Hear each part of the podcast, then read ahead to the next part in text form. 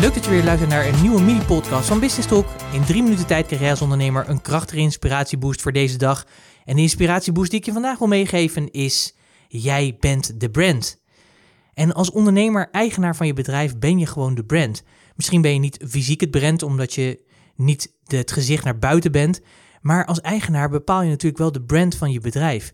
Je leeft dat, het zit eigenlijk in je DNA, of het zou eigenlijk in je DNA moeten zitten.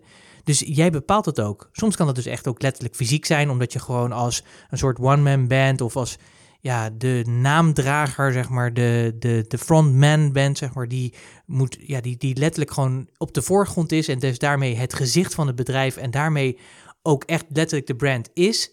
En als dat niet het geval is, dan ben jij degene als eigenaar die bepaalt wat de identiteit en de positionering van je bedrijf is. En dus ook bepaalt dat jij het merk bent. En een merk heeft namelijk ook waarde. Denk er maar eens over na. Op het moment dat je een bedrijf bouwt en het wordt succesvol, dan wordt het een merk. Denk maar aan alle grote namen of aan merken waar je enthousiast over wordt. Ja, wat is dat? Dat is natuurlijk het product of de dienst die ze leveren, maar met name natuurlijk ook de naam die ze dragen. De naam die staat namelijk ergens voor. Dus jij bent de brand. Dus jij bepaalt natuurlijk ook hoe die brand is. En ik denk dat je daar ook heel erg goed moet over nadenken. Dat je moet weten van oké, hoe wil ik als brand zijn? Dus dat betekent niet alleen, wat ik net al zei, zeg maar, wat, dat je DNA moet zijn, maar dat je ook bepaalt, zeg maar, hoe werken we met elkaar? Wat is de cultuur hier zo? Hoe doen we de procedures? Hoe spreken we mensen aan? Dat kan al heel simpel zijn. Door bijvoorbeeld spreek je ze aan met u of spreek je ze aan met jij of je.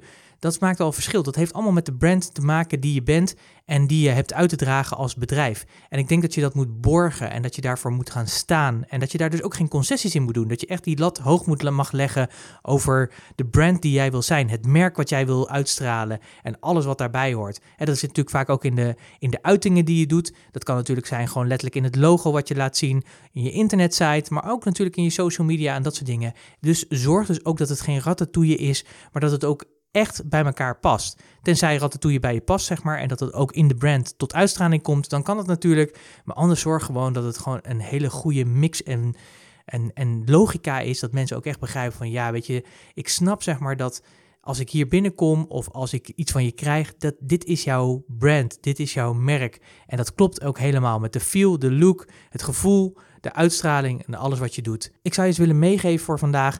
Denk er eens over na. Ben jij echt ook de brand? En is er voldoende eenheid en consistentie in die brand? En als dat niet het geval is, wat zou je er dan aan kunnen doen om dat te verbeteren?